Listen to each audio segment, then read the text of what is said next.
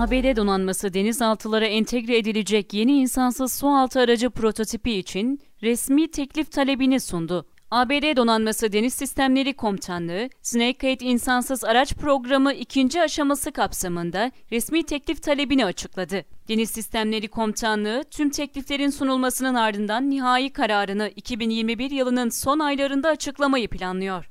Interesting Engineer'de yer alan habere göre yeni insansız sualtı aracı prototipi, geniş deplasmanlı insansız sualtı araçları sınıfında yer alıyor. Bu sınıfta yer alan araçlar istihbarat toplama, mayın tespit ve temizleme ve diğer paket görevlerde uzun süre otonom çalışma sürelerine sahip olmasıyla dikkat çekiyor.